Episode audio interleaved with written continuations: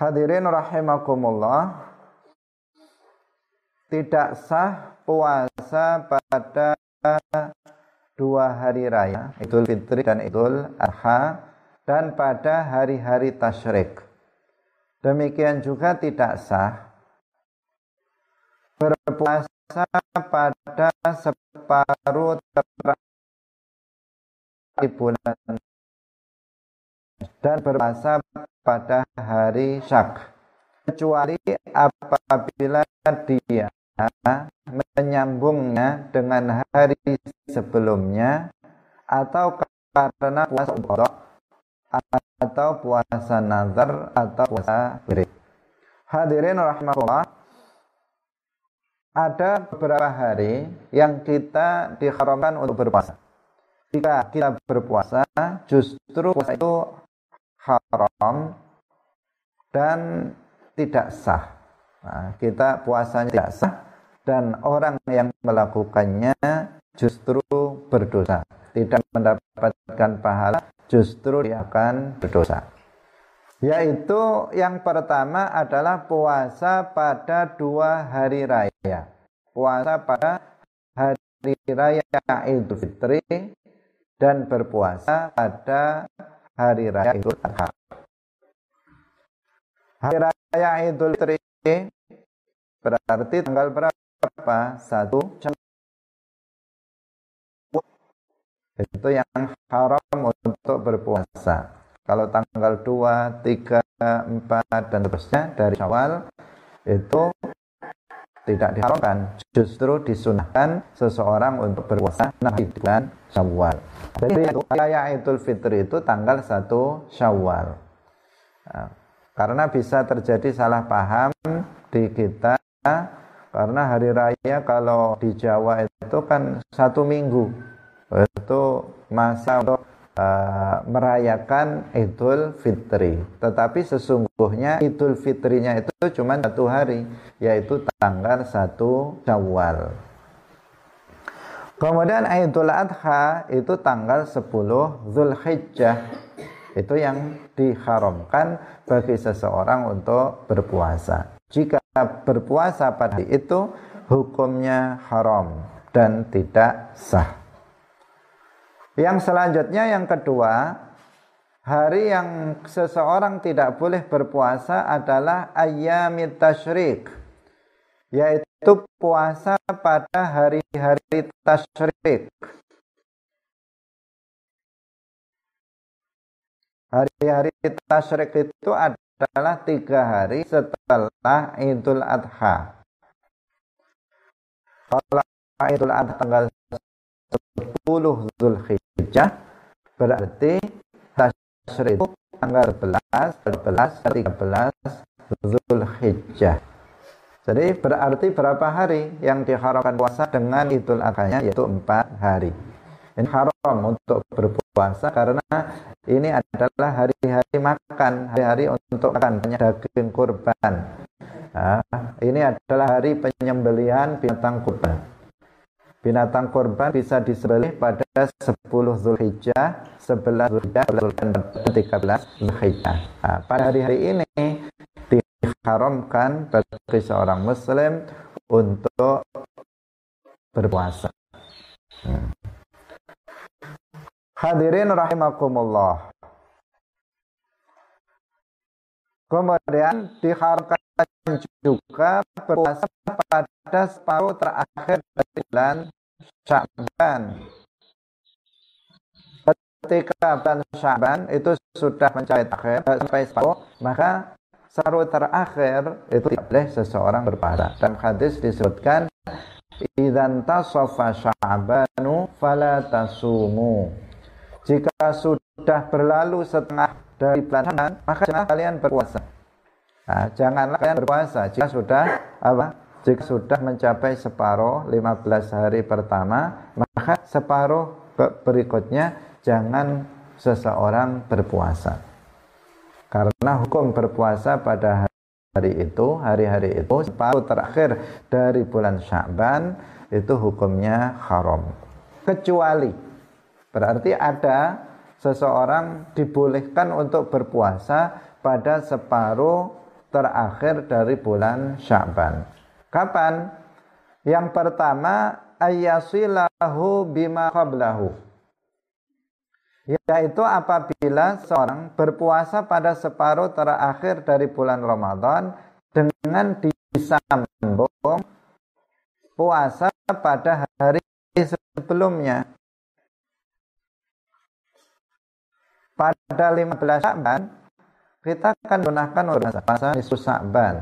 Nah, karena dalam hadis disebutkan idza ja'at lailatun nisfi min Sya'ban idza ja'a nisfu min Sya'ban faqumu lailaha wa sumu naharaha. Apabila datang separuh terakhir dari bulan Sya'ban maka uh, apa namanya? Faqumu lailaha maka rencanalah atau hidupkanlah malam bulan apa? Itu sholat dengan namanya membaca Quran amal lainnya. Wasumu naharaha dan berpuasalah pada siang harinya. Jika pada hari itu dia berpuasa maka dia boleh berpuasa pada hari berikutnya meskipun setelah separuh dari bulan Sya'ban tetapi jika sebelumnya itu tidak puasa tanggal 15 Sya'ban tidak puasa tanggal 14 Sya'ban nggak puasa dan seterusnya nggak puasa kemudian tiba-tiba ketika datang uh, apa melewati separuh dari uh, bulan Sya'ban kemudian dia berpuasa sunnah maka di sini dia kena hukum haram dan puasanya tidak sah. Nah, hadirin rahimakumullah. Nah, tetapi orang itu hanya disambung seperti yang tadi kita katakan seperti yang dilakukan oleh seorang berpuasa tiga bulan berturut-turut mulai dari bulan Rajab. Jadi dia bulan Rajab dari awal puasa satu bulan, Sya'ban dia puasa, kemudian Ramadan dia puasa. Padahal ini tidak masalah karena dia menyambungnya dengan hari sebelumnya bahkan dengan bulan sebelumnya yaitu bulan Sya'ban. Maka di sini apa? diperbolehkan. Yang nggak boleh itu apa? Sebelumnya nggak pernah puasa, tiba-tiba setelah lewat separuh dari Sya'ban dia berpuasa. Nah, di sini yang menjadi hukumnya haram. Hadirin rahimakumullah. Kemudian yang kedua, seseorang boleh berpuasa setelah berlalu separuh dari bulan Sya'ban apabila dia berpuasa wajib. Nah, berpuasa wajib. Misalnya dia berpuasa untuk mengkodok hari-hari yang dia tidak berpuasa pada bulan Ramadan tahun yang lalu. Nah, artinya dia baru ingat ketika sudah separuh dari bulan Syaban, dia baru ingat kalau dia punya hutang puasa misalnya. Loh, saya belum saya kodok kemarin. Tahun kemarin saya sakit misalnya selama lima hari tidak berpuasa. Belum saya bayar belum saya kodok. Nah, padahal sudah mendekati Ramadan lagi. Sudah melampaui separuh dari bulan Sya'ban maka di sini dia boleh untuk mengkodok puasanya tidak haram karena puasa yang dia lakukan adalah puasa wajib yaitu puasa kodok dari puasa Ramadan. Atau misalnya seseorang puasa nazar. Dia berpuasa nazar. Puasa nazar seperti yang kita ketahui hukumnya juga wajib. Seseorang berkata, mengatakan dia bernazar, mengatakan saya bernazar jika saya nanti sembuh dari penyakit saya maka saya akan puasa uh, misalnya Senin Kamis uh, selama misalnya 6 7 Senin 7 Kamis misalnya. Lah, ketika itu nabrak separuh terakhir dari bulan Ramadan, maka di sini dia pada hari Senin dan Kamisnya dia wajib untuk berpuasa meskipun sudah melewati separuh terakhir atau melampaui separuh pertama dari bulan Sya'ban. Itu nazar. Atau misalnya seseorang berpuasa wirid, nah, seperti Senin Kemis. dia sudah terbiasa melakukan puasa Senin dan Kamis. Nggak pernah dia tinggalkan puasa Senin dan Kamis karena itu sunnah, dia pun melakukannya. Nah, kemudian sampai bulan Syaban dia tetap berpuasa Senin dan Kamis. Sampai melalui melampaui separuh pertama dari bulan Syaban, ya, dia berada pada separuh terakhir dari bulan Syaban. Dia pun tetap berpuasa Senin dan Kamis. Apa hukumnya? Hukumnya boleh. Karena ini adalah puasa wirid. Wirid itu puasa yang dilakukan uh, secara apa namanya? Ya, secara tetap uh, tetap dilakukan. Dia setiap bulan memang setiap Senin memang puasa, Senin Kamis puasa. Ketika itu sudah masuk separuh terakhir bulan kan, maka pun dia tetap puasa sebagaimana uh, biasa karena itu sudah menjadi wilayah dia. Kalau dia puasa Senin Kamis sama hidupnya nggak pernah puasa Senin Kamis. Begitu masuk separuh terakhir dari bulan Taban, dia malah puasa Senin dan Kamis. Ini yang tidak boleh yang seperti itu. Nah, hadirin hadirat rahimakumullah. Ini tentang apa namanya uh, puasa separuh terakhir dari bulan Sya'ban. Berikutnya wa yaumi syakki diharamkan juga berpuasa pada hari syak hari adalah hari Rabu. Maksudnya bagaimana? Maksudnya adalah tanggal 30 Syakban. Nah, orang ada orang-orang yang tidak bisa awal awal Ramadan itu tekan berdasarkan kesaksian dia dia mengaku melihat hilal. Nah, jadi bulan itu seperti yang kita sampaikan di awal siang awal bulan Ramadan itu diketahui dan ditetapkan diketahui dengan ru'yatul hilal ditetapkan oleh pemerintah berdasarkan apa? Persaksian seorang laki-laki yang adil. Atau orang laki-laki yang adil. Bukan persaksian perempuan bukan persaksian anak-anak. Itu tidak bisa digunakan oleh pemerintah untuk menetapkan awal bulan Ramadan. Jika ada seorang laki-laki datang yang adil, laki-laki ini yang adil secara zahir, adil itu artinya dia menjalankan syariat Islam, dia sholat, dia puasa dan seterusnya. Uh, secara zahir begitu. Kemudian dia mengatakan, saya telah melihat hilal. Maka pemerintah berdasarkan persaksian dia bisa mengumumkan, menetapkan bahwa besok adalah awal Ramadan. Nah, maka di sini bisa diterapkan Ramadan oleh pemerintah. Sekarang apabila pada malam 30 itu itu nggak ada seorang laki-laki yang mengatakan melihat hilal. Tetapi ada seorang perempuan tapi saya melihat hilal. Perempuan itu saya telah melihat kelihatan maka ini pemerintah nggak bisa menetapkan besok karena saksi seorang perempuan ini nah, bagi perempuan itu dia masih berpuasa besok karena dia langsung melihat hilal kalau dia lihat hilal maka dia wajib berpuasa tapi pemerintah tidak bisa menetapkan besok Ramadan berdasarkan persaksian perempuan itu maka besok berarti masih tanggal 30 Sya'ban. Tetapi ini disebut yaumus syak. Disebut apa? Ya yaumus syak, hari ragu-ragu. Kenapa? Karena di satu sisi ada seseorang yang mengaku melihat hilal, tetapi dia bukan orang yang bisa diambil persaksiannya.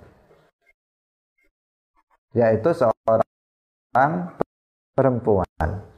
Dia melihat, mengaku melihat hilal. Tetapi jin nggak bisa ditetapkan besok Ramadan. Karena itu hari itu yang syak itu disebut apa uh, tanggal 30 itu disebut pada hari itu seseorang untuk puasa kecuali tadi itu perempuan yang dia langsung melihat hilal itu dia wajib puasa. Tetapi yang lain itu tidak wajib bahkan haram untuk berpuasa. Karena hari itu uh, disebut sebagai nah bisa dipahami ya itu ya. Hadirin hadirat rahimakumullah dalam hadis sebutkan somal yawmal ladzi yashukku fihi nas fa'asa abal qasim sallallahu alaihi wasallam Barang siapa yang berpuasa pada hari syak yang diragukan apakah tanggal 30 itu adalah apakah itu tanggal 30 Syaban atau tanggal 1 Ramadan. Jadi ragu-ragu ini sebenarnya tanggal 30 Syaban atau tanggal 1 Syawal. Tanggal 30 Syaban diragukan itu karena uh, yang tadi uh, apa datang untuk bersaksi telah melihat hilal adalah perempuan atau anak-anak. Maka di sini dilakukan ini tanggal 30 atau 1. Tetapi pemerintah menetapkan hari ini tanggal 30 karena yang bersaksi bukan orang yang bisa diterima persaksiannya yaitu bukan laki-laki yang adil. Hadirin hadirat pemirsa Madu TV yang dirahmati oleh Allah Subhanahu wa taala. Jadi uh, puasa itu ada kalanya diharamkan. Ada kalanya diwajibkan, ada kalanya disunnahkan. Puasa-puasa yang wajib yaitu puasa Ramadan, puasa nazar. Itu hukumnya wajib atau puasa kafarah. Karena seseorang misalnya melakukan kemaksiatan tertentu yang mewajibkan dia untuk uh, membayar kafarah berupa puasa. Ini wajib puasa Ramadan yang asal yang wajib itu puasa Ramadan. Kemudian apa? Kemudian puasa tadi itu nazar. Kemudian puasa kafarah. Ini puasa yang hukumnya wajib.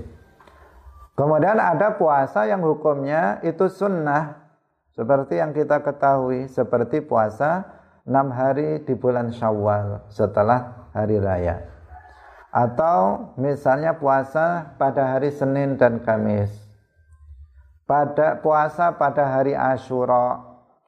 Puasa pada hari Tasu'a misalnya. Puasa pada bulan Rajab.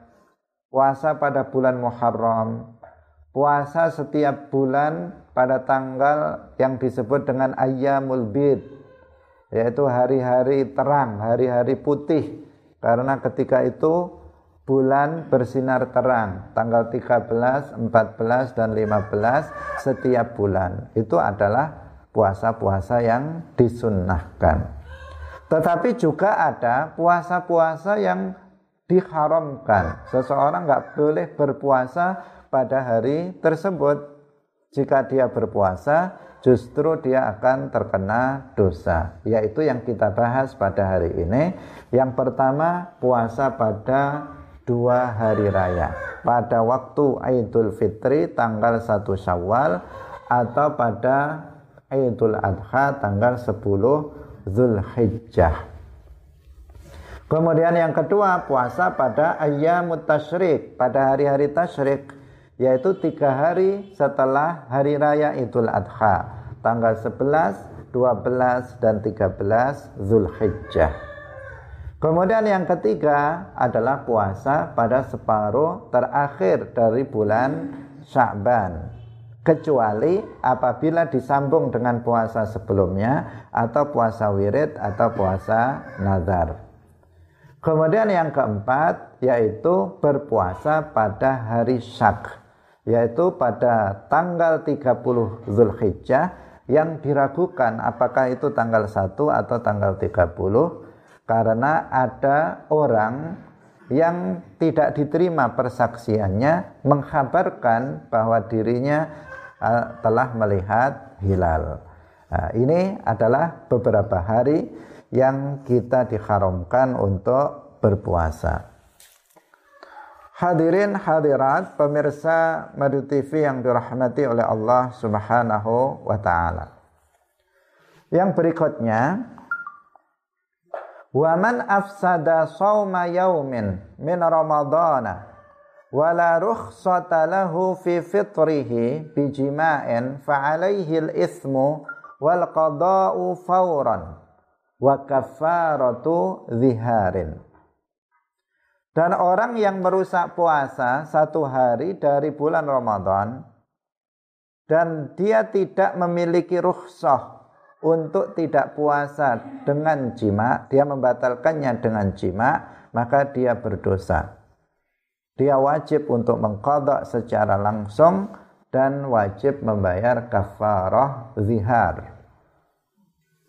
Jadi sekarang orang yang membatalkan puasa uh, dengan dengan melakukan jima. Nah, jadi orang membatalkan puasa itu bisa dengan berbagai macam.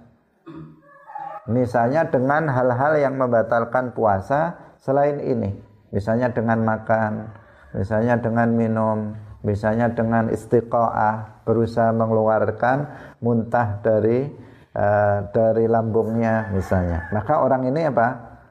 Telah membatalkan puasanya. Nah, baik itu dia membatalkannya dengan sengaja, artinya uh, dia memang eh, nggak uh, ada uzur, nggak ada uzur untuk yang membolehkan dia untuk tidak berpuasa. Dia sehat, dia nggak dalam perjalanan, uh, tetapi dia tidak puasa. Maka dia uh, di sini berdosa dan dia wajib untuk mengkontok. Atau seseorang dalam perjalanan jauh misalnya, uh, kemudian dia membatalkan puasanya dengan makan Berarti apa? Dia tidak berdosa karena dia dalam safar, tetapi uh, dia juga wajib untuk mengkodok puasa yang ditinggalkannya tersebut. Nah, sekarang jika ada seseorang itu membatalkan puasanya dengan apa namanya melakukan jima hubungan suami istri, maka konsekuensinya apa? Apa yang ditanggung oleh dia? Yang pertama dia berdosa besar. Yang pertama, dia berdosa besar karena telah melakukan perbuatan tersebut. Tidak berpuasa dengan uh, tidak berpuasa Ramadan karena puasa Ramadan itu adalah hukumnya wajib. Kemudian yang kedua adalah wajib dia mengkodok puasanya secara langsung. Secara langsung itu apa? Berarti setelah hari raya langsung. Hari rayanya tadi kita katakan tanggal 1 Syawal. Berarti tanggal 2 Syawal dia harus langsung mengkodoknya. Nggak boleh dilakukan tanggal e, misalnya 5 Syawal atau misalnya pada bulan Zulqa'dah, Zulhijjah dan seterusnya. Kalau seseorang itu membatalkan puasa, misalnya karena sakit, dia boleh mengkodoknya misalnya bulan Rojab. Nanti aja kalau Rojab banyak orang puasa, saya juga ikut puasa. Kodok, orang-orang puasa sunnah, saya puasa kodok. Biar banyak temannya. Kalau nggak banyak temannya, lapar sendirian, itu nggak enak misalnya. Nah itu boleh, boleh. misalnya seseorang dalam safar yang jauh yang membolehkan kosor misalnya, kemudian dia tidak berpuasa dua hari, tiga hari. Maka dia boleh mengkodoknya kapan-kapan yang penting belum masuk Ramadan berikutnya. Uh, dia boleh mengkodoknya pada bulan Zulhijjah, dia boleh mengkodoknya pada bulan Rabiul Awal, dia boleh mengkodoknya pada bulan Muharram, terserah dia. Yang penting jangan sampai masuk pada bulan Sya'ban tahun berikutnya. Seperti itu. Tetapi kalau ada seseorang membatalkan puasanya dengan jima, maka tanggal 2 Syawal dia harus langsung mengkodoknya. Nah, ketika masih banyak jajan, masih banyak makanan, dia harus langsung mengkodoknya tanggal 2 Syawal. Tidak tanggal 1 karena tanggal 1 diharamkan untuk berpuasa. Hadirin hadirat rahimakumullah. Kemudian yang kedua adalah membayar kafarah zihar. Ini namanya kafarah zihar, yaitu kafarah yang dibebankan kepada orang yang melakukan zihar. Nah, orang yang melakukan zihar itu orang yang mengatakan kepada istrinya, misalnya seseorang mengatakan kepada istrinya, anti alayya ka ummi. Dia mengatakan kamu uh, punggungmu seperti punggung ibuku atau seperti punggung saudariku dan seterusnya. Nah, dia menyamakan istrinya dengan mahramnya. Menyamakan istrinya dengan mahramnya dengan maksud bahwa haram bagi dia untuk uh, menjimaknya. Ini namanya zihar. Orang yang melakukan zihar jatuh kepada dosa besar. Ini sudah kita bahas dalam maksi maasi al-lisan. Nah, sudah lewat. Nah, orang yang melakukan itu terhadap istrinya, dia apa? Jatuh kepada dosa besar dan dia harus membayar kafarah. Nah, sehingga kafarahnya yang di sini kafarah zihar disebut sebagai kafarah zihar. Orang yang membatalkan puasanya dengan melakukan hubungan suami istri maka kafarohnya adalah kafaroh seperti kafaroh zihar. Maksudnya seperti itu. Nah apa kafaroh zihar itu? Yang pertama adalah memerdekakan budak yang muslim. Memerdekakan seorang budak yang muslim. Nah, jika tidak ada budak itu tidak tidak ada seperti pada zaman sekarang maka berarti beralih kepada yang berikutnya. Tidak ada itu bisa dua kemungkinan. Nah, kemungkinan pertama memang budaknya nggak ada sama sekali seperti pada masa sekarang. Atau pada masa lalu budak ada tetapi dia nggak punya uang untuk beli budak. Karena budak ini manusia tetapi dia uh, mirip dengan binatang karena bisa diperjualbelikan, nah, di, bisa diperjualbelikan. Nah, budaknya nggak ada untuk yang dibeli itu nggak ada. Uang dia banyak, mau beli budak, tetapi budaknya nggak ada. Maka di sini seperti zaman sekarang misalnya, maka berarti dia tidak mampu untuk membayar kafarah yang pertama apabila kemudian budaknya ada tetapi dia nggak punya uang untuk membeli budak maka di sini dia juga tidak mampu namanya maka di sini beralih pada kafarah yang kedua. Nah, kafarah yang kedua apa? Yaitu uh, berpuasa dua bulan berturut-turut puasa ber, dua bulan berturut-turut, bulan yang dimaksud tentu bulan Hijriyah. Karena ketika kita bicara hari, maka menurut Hijriyah. Ketika kita bicara bulan, maka bulan Hijriyah. Ketika kita bicara tahun, maka tahun Hijriyah. Kalau dalam kajian ilmu syara, itu yang dimaksud. Nah, jangan terbayang kemudian dengan hari, bulan, tanggal, atau uh, tahun umum. Tidak. Nah, karena yang dibuat acuan itu adalah bulan hijriyah nah, seperti yang kita tahu itu berbeda. Tahun hijriyah berbeda dengan tahun apa namanya uh, dengan tahun umum. Demikian juga hari. Hari juga berbeda. Yaitu pergantian harinya yang berbeda. Kalau hari hari umum itu pergantiannya jam 12 malam. Kalau Hijriyah pergantiannya adalah pada waktu maghrib. Itu perbedaan dari sisi hari. Jadi tanggal pun berubah. Ketika kita sudah masuk maghrib, berarti sudah tanggalnya sudah berbeda dengan sebelum maghrib tadi. Tapi kalau kita pakai kalender umum, jam 9 malam itu masih sama tanggalnya dengan siang tadi. Itu itu seperti itu. Nah, demikian juga bulannya juga berbeda. Bulan Hijriah itu hanya 29 atau 30 hari, kebanyakan 29, sementara bulan umum itu bisa 30, bisa 31, bisa 29, bisa hanya 28 hari. Ada yang 28 hari. Nah, hadirin rahimakumullah, jadi dua bulan berturut-turut, bulannya bulan Qamariyah atau Hijriyah. Sama Qamariyah atau Hijriyah itu sama. Uh, kalau seseorang misalnya dia membatalkan puasanya satu hari saja maka dia harus mengulanginya lagi. Karena di sini harus berurut dikatakan dalam uh, apa namanya uh, dikatakan bahwa mutawaliyat dia harus berturut-turut.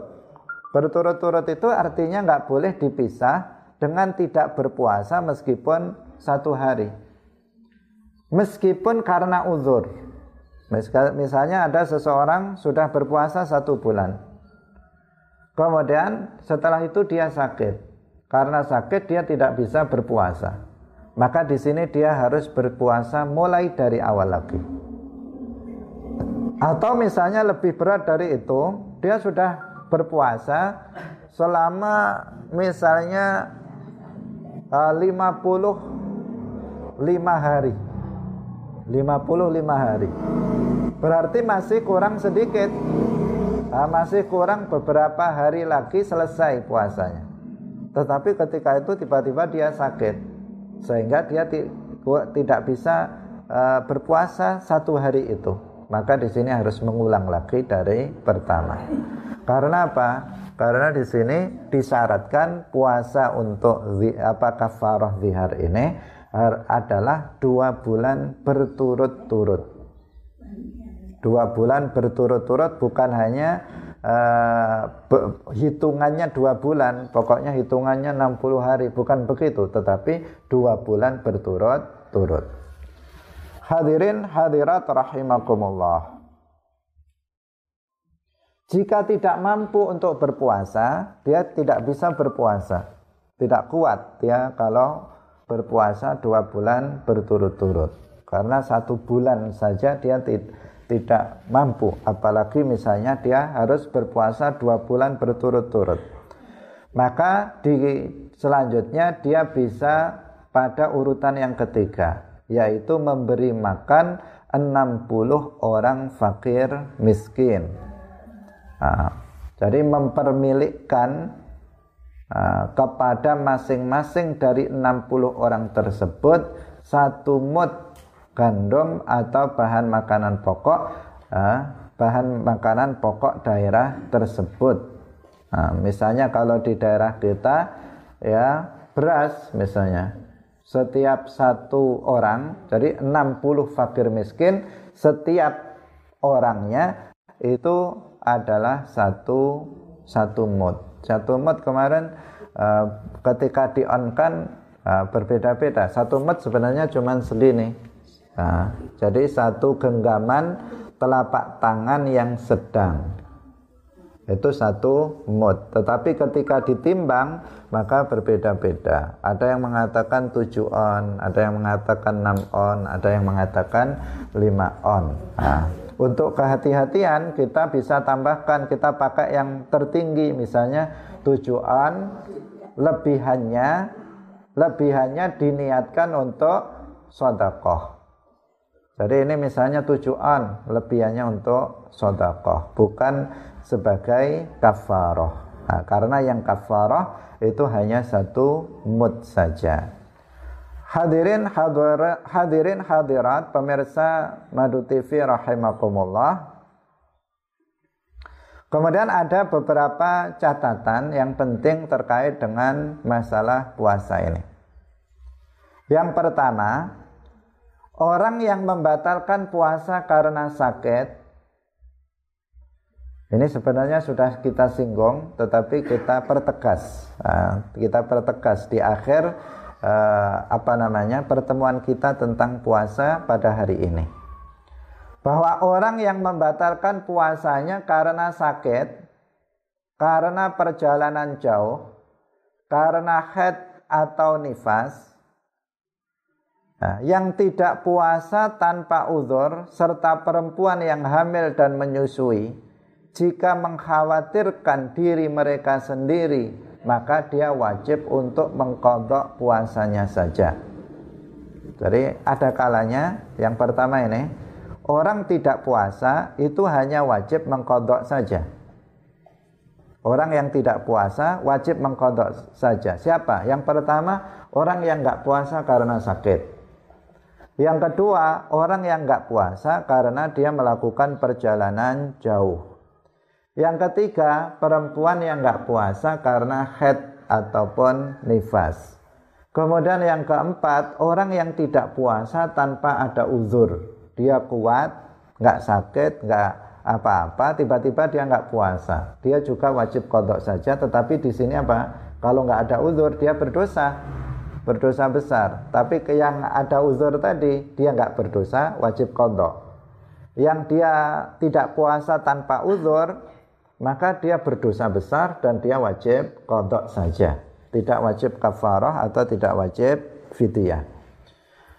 Kemudian yang berikutnya adalah perempuan yang hamil atau menyusui yang dia tidak puasa karena itu mengkhawatirkan dirinya sendiri, bukan mengkhawatirkan anaknya. Maka dia di sini juga wajib kodok saja. Dengan ketentuan yang tadi kita, yang kemarin kita sebutkan, nah, jika ada masakoh, orang yang hamil menyusui tidak otomatis boleh untuk tidak puasa tetapi jika ada masyakkah maka dia boleh tidak puasa.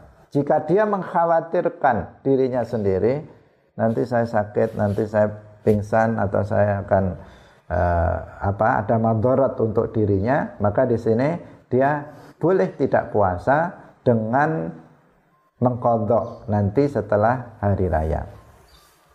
Tapi tidak diharuskan secara langsung mengkodoknya itu. Hadirin rahimakumullah. Ini yang pertama, wajib hanya fidyah saja. Kemudian yang kedua yaitu uh, uh, wajib apa tadi? Kodok saja. Yang pertama wajib untuk mengkodok saja. Yang tadi kita sebutkan. Yang kedua ini wajib kodok dan juga fidyah. Yaitu orang yang membatalkan puasa atau tidak berpuasa karena dia hamil atau menyusui mengkhawatirkan anaknya. Jadi dia hamil atau menyusui. Dia tidak puasa bukan karena takut dirinya akan sakit, tapi dia khawatir anaknya akan sakit.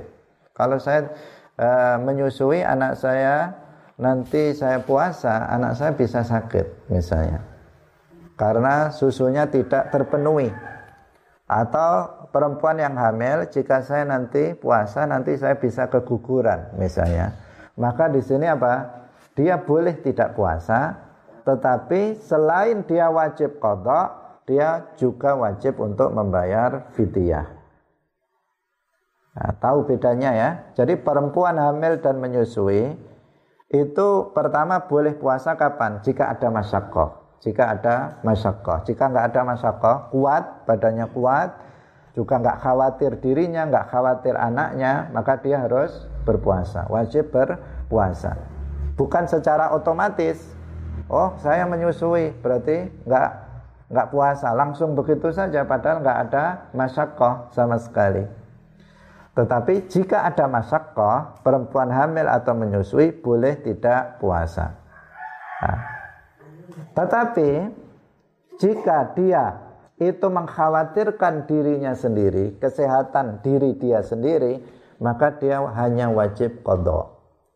Jika dia khawatir kesehatan anaknya, maka dia wajib kodok dan wajib fidyah. Tapi sama-sama dia tidak berdosa di sini jika dia tidak berpuasa. Nah, fidyahnya bagaimana? Seperti yang tadi kita sebutkan, yaitu satu mut makanan pokok seharinya, setiap harinya. Dia tidak berpuasa berapa hari? Jika satu hari berarti satu mod. Jika dua hari berarti dua mod. Jika lima hari berarti lima mod begitu seterusnya setiap harinya itu dibayar dengan satu mod bahan makanan pokok. Hadirin hadirat pemirsa yang dirahmati oleh Allah satu permasalahan lagi yaitu orang yang dia tidak berpuasa dia hanya wajib fidyah saja tidak wajib mengkodok Nah, dia tidak wajib mengkodok, tetapi dia hanya wajib untuk fidyah saja. Siapa mereka? Yang pertama adalah orang yang tua renta. Nah, tua renta itu bagaimana? Nah, yang sudah sangat tua, yang dia memang sudah nggak mampu lagi berpuasa. Dia sudah tidak mampu lagi berpuasa karena saking faktornya adalah faktor usia Nah, dia seperti itu nggak puasa itu bukan faktor kesehatan, tetapi faktor usia. Usianya sudah sangat renta, yang tidak mampu lagi dia berpuasa. Semakin hari semakin lemah, badannya semakin lemah, semakin lemah, semakin lemah, begitu seterusnya. Orang tua renta seperti ini, dia boleh tidak puasa dan dia wajib membayar fidyah saja. Bagaimana caranya? Caranya adalah dengan dia membayarnya setiap hari. Bukan dikumpulkan di depan atau dikumpulkan di belakang. Jadi setiap hari misalnya hari ini dia tidak berpuasa. Nanti sore menjelang maghrib dia bayar fidyah. Besok dia nggak puasa lagi. Nanti menjelang maghrib dia bayar setelah asar sebelum maghrib dia bayar fidyah. Besok begitu juga seterusnya sampai satu bulan. Ini untuk orang yang tua renta. Nah, yang sudah tua renta, bukan sekedar tua, tapi ada rentanya. Berarti sudah sangat tua, ya nggak mungkin dia untuk bisa berpuasa karena badannya bukan tambah kuat, tetapi tambah lemah. Mau minum jamu, mau minum pil, mau disuntik, ya tetap begitu karena sudah faktornya usia kalau sudah usia ini udah nggak bisa diobati ini.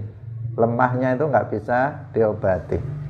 Kalau masih muda, dia sekarang lemah, masih bisa diobati menjadi kuat.